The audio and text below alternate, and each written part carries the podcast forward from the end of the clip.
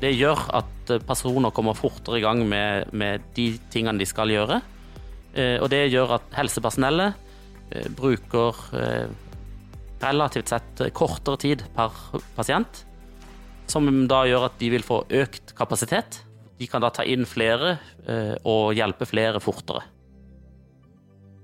Mange opplever å bli rammet av psykisk sykdom i løpet av livet, men et flertall av de som rammes, får ikke tilbud om behandling.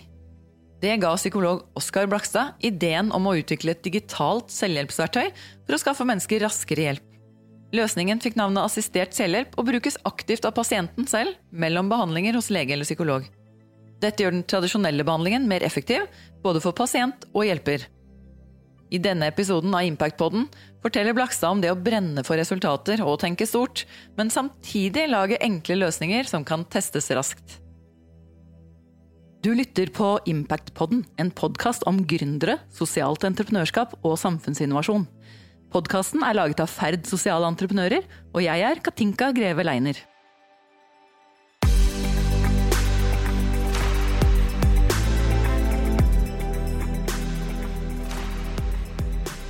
Velkommen til oss, Oskar Blakstad fra Assistert selvhjelp. Tusen takk.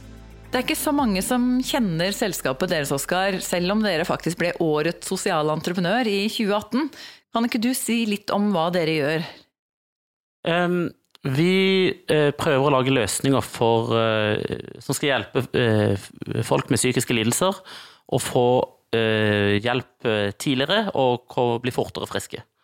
Og det gjør vi ved å, at vi har laga et verktøy som kan brukes av Som helsepersonell kan gi ut til brukere, og, og som da vil gjøre at man får kommer lettere i gang med egen, de egenaktivitetene som vi psykologer vet eh, trengs. Og pasienten kan da gjøre det eh, mellom timene. Hva slags verktøy er det? Hvordan ser de ut?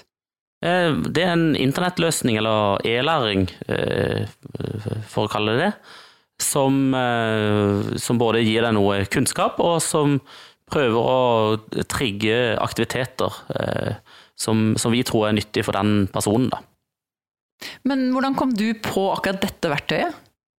Ja, det er mange år siden jeg jobba som, som, vanlig psykolog. Og ble ganske stressa, for det var ganske lang kø du ser at det, det, står en kø, og du ser at den personen kan du ikke hjelpe før om eh, tre måneder, eller fire måneder, eller seks måneder. Og så har du samtidig lyst til å gi veldig god hjelp til de du allerede møter. Eh, og så står du fanga i det dilemmaet der du ser at eh, noen behøver å komme til det fortere, men samtidig så, du ikke, så kan du ikke gjøre det fordi du ønsker å gi god kvalitet. Og så ønsker du ikke å bli utbrent midt i det hele. Så det ender med å liksom for lite til de du allerede har sluppet inn, og ingenting til de som står og venter? Eh, ja, det, det er jo stort sett det, da. Eh, og så eksperimenterte med, med litt forskjellige ting. Eh, var med, utvikla et sånt seminar, som for så vidt ikke var min idé, men, men som jeg drev, eh, for de som venta på behandling. Eh, og det var ganske god suksess. Eh, og så etter hvert så gikk det opp for meg at det, noe, det, å gå og få samtaler med psykolog, det, det, er noe veldig bra med det. Det er et eller annet sånn Du kan gi en sånn unik hjelp til personen. Og så er det samtidig en god del av den tida der du snakker med psykolog, der jeg som psykolog gjentar meg sjøl i det uendelige til ulike personer. Og så tenkte jeg at kan man ta den delen som er unik, og beholde den? Den, den som er, er bra, og den som som gir deg et, eh, hver bruker noe, og samtidig gi noe annet eh, for den, eh, den tida der jeg som psykolog bruker for å Der jeg gjentar meg sjøl. Mm. De litt enklere bitene, ikke sant? Ja, det er ofte det vi kaller psykoedukasjon. Der jeg forteller hva er mekanismen i angst eller depresjon, eller hva det er for noe. Og, og de aktivitetene som Veldig ofte tar det ganske lang tid for en person å skjønne Eller for De skjønner det nok, men, men, men at de blir klar over at de må komme i gang med disse aktivitetene. Hvis du kommer med en som er det vi kaller eh, mildt deprimert, som, som, for så vidt kjennes for jævlig ut å være, eh, så vet vi at det å komme i gang med fysisk aktivitet er kjempeviktig. Og det er lurt at du kommer i gang med det fra dag én. Men det tar ofte for mange noen uker og noen samtaler før de egentlig kommer i gang med, med de aktivitetene. Og det ønsker du på en måte å lage et verktøy som støtter opp under. Nettopp. Sånn at eh, hvis jeg kom som pasient til deg som lege, så vil jeg da kunne bruke dette verktøyet nesten før jeg har møtt deg? Det, det er jo også en del av tanken, da. Og så underveis, mens vi snakker sammen, så kan vi bruke det? Ja, altså Verktøyet er lagt opp sånn at, du, at helsepersonell kan bruke det i litt ulike faser. Man kan bruke det både før behandling og underveis, og, og for så vidt også etter.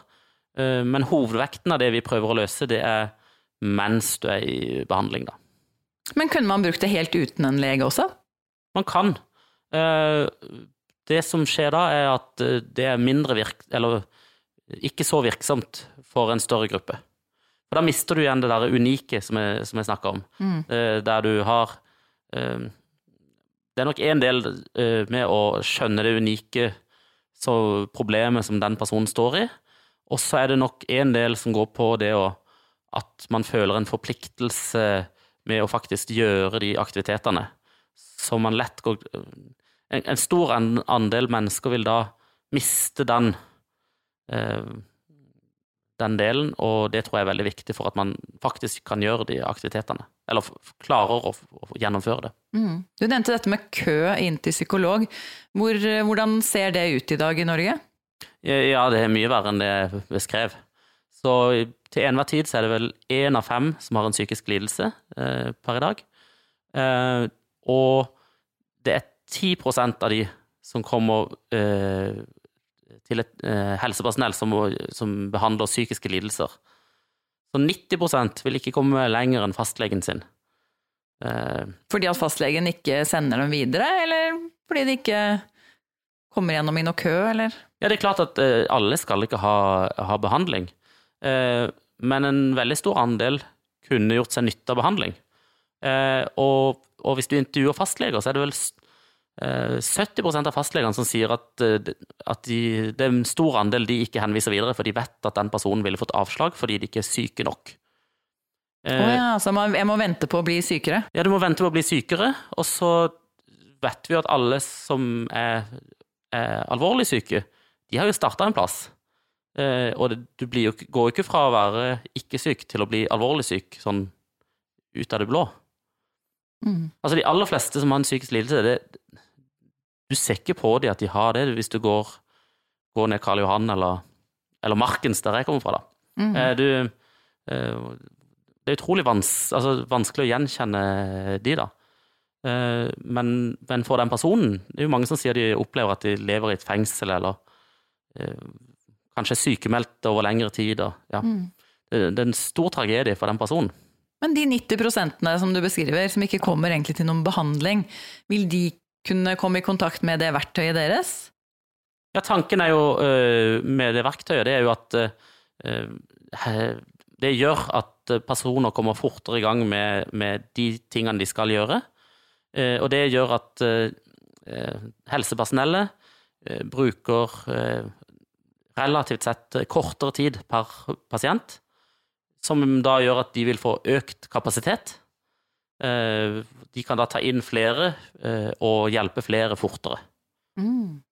Og det, da vil også terskelen senkes, som i neste omgang vil gjøre at f.eks. fastlegen kan få henvist flere, eller, eller ja, Nå kommer ikke alle henvisninger fra fastlege sjøl, men, men, tanken er da at du øker eh, Du minker det behandlingsgapet, da. For det er det de snakker om. Sånt, det, de mener at det et behandlingsgap på minst 50 eh, og kanskje høyere. Mest sannsynlig høyere. Og det betyr at 50% av eh, mennesker som burde og ønsker hjelp, egentlig ikke får noe tilbud i det hele tatt i dag. Mm. Men hvordan får du da dette verktøyet ut til legene? Hvordan har det gått? Ja, det har jo etter hvert gått veldig bra. Eh, jeg har jobba i motbakke i mange år. Eh, og så, etter hvert, så, så klarte jeg for meg tre kommuner for noen år siden. Eh, og så omtrent dobla det seg på et år. Og så har det nesten dobla seg en gang i året, sånn, sånn sirkus etter det. Og stort sett så er det anbefalinger fra eksisterende kunder, da. Eh, eller typisk er en kunde en kommunehelsetjeneste. Eh, og så er det ikke enkeltlegen som eh, kjøper dette? Eller tar det inn? Nei, veldig sjelden. Det, typisk er det en helsetjeneste. Og vi har jo 64 kommunehelsetjenester som bruker det i dag, og en del studenthelsetjenester og, ja, og noen sykehus. Og Typisk er det en enhet som kjøper det, og så får brukeren det gratis som en del av behandlinga. Men kunne du fortelle meg litt om hva folk sliter med der ute, og som du da tar tak i dette verktøyet her? Ja, Vi tar utgangspunkt i, i de store folkelidelsene. Så de med høyest forekomst er jo type angst, eh, depresjon, søvnvansker. Eh, vi har et kurs som heter Stress og belastninger, som er eh, handler mye om eh, Det kan være alt fra utbrenthet og utmattelse eh, og overarbeid. Vi har jo lansert noen nye kurs som går på selvfølelse og, og det å tenke perfeksjonistisk. Ja, det kan være fobi. Så dette er lidelser som, som et veldig stort volum mennesker har, og samtidig som i stor grad finnes det oppskrifter på dette vil fungere for en stor andel mennesker. Ja, Det høres jo umiddelbart ut som man kunne se for seg dette også uten legens hjelp, tenker jeg, som på mange. Ja, det er, det er jo en litt sånn forlokkende tanke, da. Eh, jeg tror ikke teknologien er helt der ennå. Eh, jeg, jeg, tror at det er et utrolig stort eh, potensial i å tenke med behandling. Mm. Og så er på en måte gevinsten så utrolig stor, og også forska på, og, og, vi vet at dette Altså, effekten opprettholdes jo med ganske liten innsats. Altså, man går fra Tenk deg en person kan få I tradisjonell behandling får man kanskje 12-16 timer eh, samtaler, tilbud. Eh, og her kan man med denne metoden gå ned til å kanskje ha én time på kontoret og ha fem telefonsamtaler av ti minutter, kvarter. Mm -hmm. Så det er en voldsom besparelse for, for eh, helsepersonellet, samtidig som det er samme effekt eh, som tradisjonell behandling for, for individet. Da. Og dere har målt den effekten? Ja, det, det har ikke vi gjort, men det, det er jo forska på, på, dette. Så, det er en metode som heter veiledet selvhjelp, som, som forskes på nå, da. Så du kan si det vet vi allerede har en vanvittig gevinst, og kanskje kan det gjøre at man kan behandle tre-fire ganger mer per helsepersonell, eller flere personer. Uh, så syns jeg at det er feil fase å nå tenke full automatisering av det på et felt som Og da, da snakker man jo om ren selvhjelp, og det er, jo, det er jo et felt som er veldig omdiskutert. Ja, det er mye apper der ute, og mange forsøk på det. Ja, det finnes masse ulike prosenter men, men i, forskning da, på hvor effektivt det er. Men felles med det er jo at de er ofte veldig lave. Ofte er de under 5% av de som tar eh, noe som er ren selvhjelp, vil, vil ha Altså som program eller bøker eller den type ting. Mm.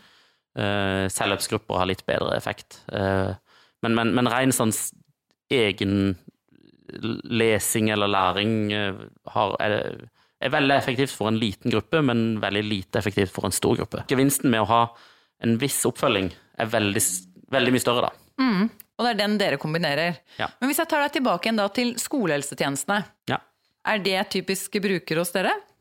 Ikke per i dag, eh, for vi har ikke laga noe for, eh, for, eh, for ungdom ennå. Men, men, det er noe vi tenker på. Vi, vi... Ja, for jeg tenker, med det du sier, da, så, så, tenker jeg at mange av de tingene du påpeker der som lidelser, er jo det som blir diskutert mye opp mot skoleungdom og kanskje litt voksenungdom da, inn mot ja, videregående og sånn. Der kunne jo kanskje helsesøster ha trådd til og vært fagpersonen, eller? Ja, det er absolutt eh, et felt vi tenker på og ønsker å komme inn på. Eh, per i dag så har vi fokusert på, på lavterskeltjenester for eh, voksne. Eh, og typisk voksne som er utenfor arbeid. Eh, men jeg tenker samme metodikk kan brukes for ungdom, men vi trenger en annen pedagogikk med det vi holder på med. et annet slags eh, innhold, da, kan du si. Ja, liksom på ordbruk og hvordan man går frem og sånn. Ja, det ville jeg i hvert fall tenkt. Og kan være f.eks. med søvnproblemer, så vil nok løsninga være annerledes for voksne enn for barn. Eller ungdom, da. Men kan du si litt om, har du erfart noen eh, sånn helt personlig også, at du har fulgt opp eller sett mennesker som har brukt verktøyet, og, og sett liksom, hvor fort vil det hjelpe, hva slags effekt får det? Jeg får jo etter hvert ganske mange telefoner fra terapeuter eller fagpersoner som er sånn kjempehappy. Så ofte har vært litt sånn skeptiske i begynnelsen, og så, så ringer de meg og har de en eller annen sånn suksesshistorie de blir veldig overraska over. Uh, vi, sier jo at et verktøy er litt sånn self-paced, altså at uh, man har en Man bestemmer tempoet sjøl. Uh, men så ringer jo de plutselig og sier at her var det noen som som i løpet av et par uker har virkelig satt i gang og satt opp plan og, og gjør aktiviteter og, og, og, er på vei til å få veldig stor bedring. Og så er det andre, altså Vi har jo i utgangspunktet tenkt fem-seks uker med det vi holder på med, men så er det andre som bruker 14 uker. og ja, vi, vi, stresser ikke så veldig med, med, med, hvor fort det går, da. Men, men vi får ganske mange sånn, terapeuter som ringer oss og forteller oss om person X, eh, anonymisert, da, eh, mm. som har gjort seg veldig god nytte av verktøy. Da. Så det er veldig artig. Men hva, hva er din reise inn i dette? Hvorfor ble det akkurat dette verktøyet du havna oppi, når du blir satt der som psykolog i utgangspunktet? Eh, hvorfor tenkte du at du skulle gjøre dette? Jeg har alltid Når, når jeg ser tilbake, jeg har aldri tenkt på meg sjøl som gründer eh, inntil for ikke så lenge siden. Eh, men eh, jeg har nok alltid likt å løse problemer. Og, og oppdaga nok en del problemer som kan løses ja, kjappere enn andre, tror jeg. Og i sin tid så starta jeg en nettside om forskning. Eh, for studenter eh, som tok litt av. Så jeg begynte å lære veldig mye om internett og hvordan det fungerte, og hvordan man kunne nå ut til mange. Så det gjorde jeg i studietida mens jeg var psykolog. Og så, så, satte det litt sammen med det problemet jeg opplevde som, som psykolog i, i poliklinikk, da, der, eh, der, jeg ikke skjønte hvordan jeg skulle klare å hjelpe så mange som hadde behov for det. Så det var sikkert litt tilfeldig, og sikkert litt at jeg oppdaga det eh, problemet. da. Og så skal det sies at egentlig hadde jeg ikke noen tanke om å starte noe firma. Altså, jeg, jeg prøvde vel i eh, rundt et år å, å gjøre dette inne i sykehusverdenen. Og jeg hadde veldig støttende sjef, hadde veldig støttende sjef over der igjen. Og likevel så syns jeg jeg møtte så mye stengsler, og så, det var så vanskelig å få noe til. Og, eh, og det handla heller ikke om penger. Eh, så til slutt så bestemte jeg meg for å slutte å starte firma. Så det var mer en konsekvens av at jeg tenkte at jeg kommer ikke til å få til dette hvis jeg jobber inne på sykehus. Men Var det fordi de ikke forsto deg, eller fordi du ikke fikk lov til å gjøre det du så for deg? Det er nok for mange regler som tar utgangspunkt i hvordan virksomheten er i dag, eh, som gjør at eh, du møter barriere på barriere som du egentlig ikke hadde trengt å møte når du er i den fasen du er. Um, jeg, jeg, pleier å sammenligne med at, at sykehus det er som sånn amerikabåter. Så de er veldig gode på å liksom frakte mennesker fra A til B og kjøre sånne rette linjer med, med mange mennesker. Uh, mens hvis man driver på med invasjon, så, så, er man inne i skjærgården.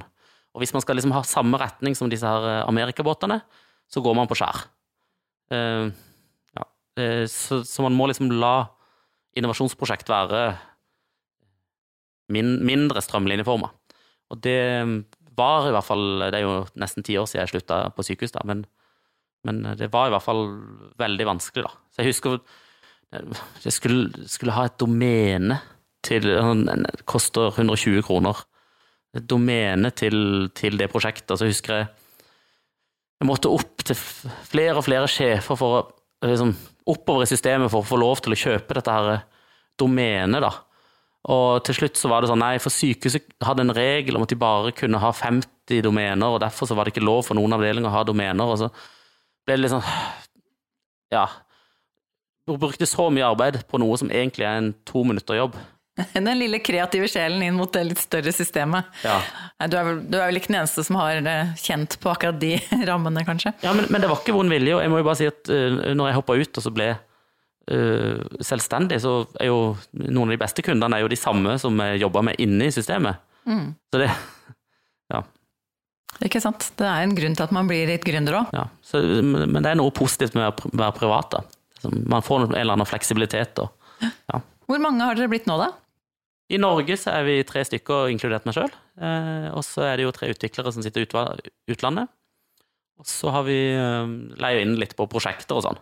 Så, Og du utvikler videre, som du sa i sted. Du kommer med nye deler av verktøyet og sånn? Ja, nå, vi har eh, egentlig to prosjekt eh, som vi jobber veldig med. Altså, vi selger jo på anbefaling, stort sett. Er- vi er veldig lite sånn bilselgere og, og kontakter noen. Eh, Så vi prøver å øke nytten for brukere. Eh, Det er abs absolutt mye å gå på der. eh, eh, Der vi kan øke, sjans, øke sjansen for at noen tar i bruk verktøyet for å da gjøre disse aktivitetene. Og så prøver vi å øke Mange tror at vi liksom, det er kun teknologi vi holder på med, men jeg vil si halvparten av vår jobb det er egentlig å hjelpe helsetjenesten å, å implementere og en ny metode som er besparende eh, for de, samtidig som brukere får, får gode effekter. Eh, Ja, for du refererte til forskning, og at dere bruker en metode som i utgangspunktet noen andre har funnet, og som er forska på. ja. Og så lager du liksom verktøyet til det. Ja, så kan jeg si, de har forska på, på gammeldags internettbehandling, som er typisk nesten sånn PDF-er eller, eller sånn masse tekster. Det er egentlig bøker som er liksom lagt på nett. Og, og så har de funnet veldig god effekt med en metode som heter veiledet selvhjelp. Uh, som da er Ja, den er veldig besparende, men samtidig eh, får man det samme. Eller man får like god behandling. Eller kanskje litt bedre. Så prøver vi å ta det et hakk videre, der vi lager en, en bedre eh, internettløsning enn bøker på nett. Mm. eh, som skal være mer engasjerende. Da. Så det er like mye utfordring å få helse, hjelpe helsetjenester til å, til å faktisk da kunne eh, ta i bruk disse metodene. Eh, så jeg vil si vi, vi går rundt med et konsept, egentlig. da. Mm. Vi er ikke ren teknologi. Men eh, med den teknologiutviklingen som er nå i dag, så er jo det ganske krevende å hele tiden være liksom i front på hva er mulighetene. Hva, har du noen visjon sånn ti år frem i tid? Hva leverer assistert selvhjelp da? Jeg ville først sagt at um, folk blir nok veldig overraska hvor kort psykologien har kommet på når det gjelder teknologi. Så hvis jeg hadde beskrevet de løsningene som finnes i dag, så er det mange, er det mange som himler på øynene og tenker er det, er det virkelig sånn? Her er det ennå veldig sånn lavthengende frukter med, med det jeg kaller low tech, high impact. Mm. Uh, som vi kan gjøre veldig mye de neste årene, uten å begynne å tenke på machine learning og AI og alt dette her. Det, det tror jeg er lenger frem for psykologien. Altså, Mm. det var en sånn artikkel om, om hvilke jobber er det som forsvinner når, når, når AI kommer, da. Og, eh, og på toppen av de jobbene som forsvinner sist, det var terapeut. Mm. Så det tror jeg Og mer maskiner, jo flere fortvilede mennesker blir jo der ute, som kommer til å trenge hjelp til å forstå seg selv og maskinene. Det er nok eh, men, men jeg tror det er et yrke som det er vel I hvert fall store deler av det er, er vanskelig for maskiner å ta over. Mm. Så jeg må heller prøve å Og vi jobber ikke med kald teknologi, vi skal ha varm teknologi. Teknologi som gjør at det blir en bedre relasjon mellom fagperson og bruker, og altså, en som gjør de begge bedre. Mm. Ja. Kunne, men kunne du, hvis, hvis du hilste på deg selv for nå som fem år siden, eh, hva ville du sagt da til Oskar? Hva slags tips ville du gitt han på de årene han skulle inn i, og det, ja, det du har opplevd nå? Har du noen gode råd å gi til de som hører på? Jeg har gjort mange tabber. Eh, jeg tenkte for stort for fort, i hvert fall. Eh, jeg hadde Jeg skulle tenkt smått, og tenkt mindre på skalerbarhet eh, tidlig. Og det høres sikkert veldig rart ut å, å si noe sånt, da. Men jeg brukte veldig mye ressurser altfor tidlig på, på, på å skulle liksom løse mange deler av kjeden, mens jeg kanskje skulle ha brukt mer ressurser på å løse en liten del tidlig, da. Mm. Da tror jeg jeg hadde hatt større fart uh, nå. Er det det de sier sånn eh, test raskt eller feil raskt og gjøre om på løsningen-type tenking? Ja, eller jeg tror at uh, Det også, men jeg tror at jeg kunne komme kommet med en mye et, et produkt som så helt likt ut for, for kunden tidligere, men som i bakgrunnen kanskje ikke var så high-tech som det jeg så for meg, eller som to, løste alle Så litt lært. mindre perfeksjonist også? Altså, Ja, ja. ja. Absolutt. Mm. Uh, og så tror jeg Jeg har vært i utrolig mye dialoger med, med folk og firmaer og ulike ting. Så en annen ting er aldri vent på at noen uh, Altså ting du tenker kommer til å gå i boks. Ikke, ikke vent med å utvikle eller gjøre ting fordi at du tenker at uh, her i løpet av tre måneder så lander vi en avtale. Så jeg har tapt utrolig mye tid på å liksom vente på ting, eller holde ting på vent av- på avtaler som ikke blir noe. Så at hvis du tror på det selv, så skal du bare tråkke til? Sånn? Ja, og hvis, hvis du har funnet eh, noen som virker som en partner, eller noen som kan hjelpe deg å realisere det, så, så fortsett å kjøre på, på på ditt løp helt til du har underskrevet avtale og ser at det faktisk er noe som kan fungere. Mhm. Ja, jeg får tilbakemeldinger fra kunder, det har vært helt eh, gull. Eh, det ene er jo at du, du får bedre løsninger di. Eh, men det andre eh, som ikke jeg tenkte på, det er jo at det er ganske mange som syns det er gøy å gi tilbakemeldinger, og det binder på en måte folk mer, og får mer eierskap til det du holder på med, da. Så du får dem både som medutviklere, og de blir trofaste kunder? ja. Mm. Og blir veldig engasjert i å og de, Jeg får mailer og telefoner og alt mulig med, med ideer og, og ting man kan gjøre, og ja Det, det er veldig nyttig, og, Mm. og man skjønner mye mer av problemene eh, folk står overfor. Det er vanskelig både å se for seg det på et kontor, selv om man, sånn som jeg, har jobba i det sjøl. Men da høres det jo absolutt ut som du her har klart å gi kundene dine et verktøy som de blir engasjert i og glad i, da. Hvis de gidder å ta telefonen og faktisk kontakte deg tilbake. Det høres jo veldig bra ut. Ja, Mm. Jeg tror det, da.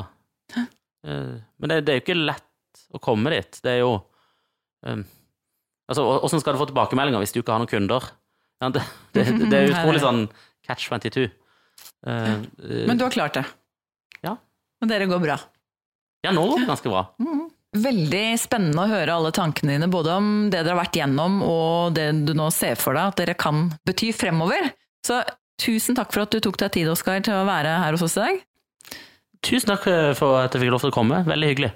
Lykke til videre. Tusen takk. Du lytter på Impactpodden, en podkast om gründere, sosialt entreprenørskap og samfunnsinnovasjon.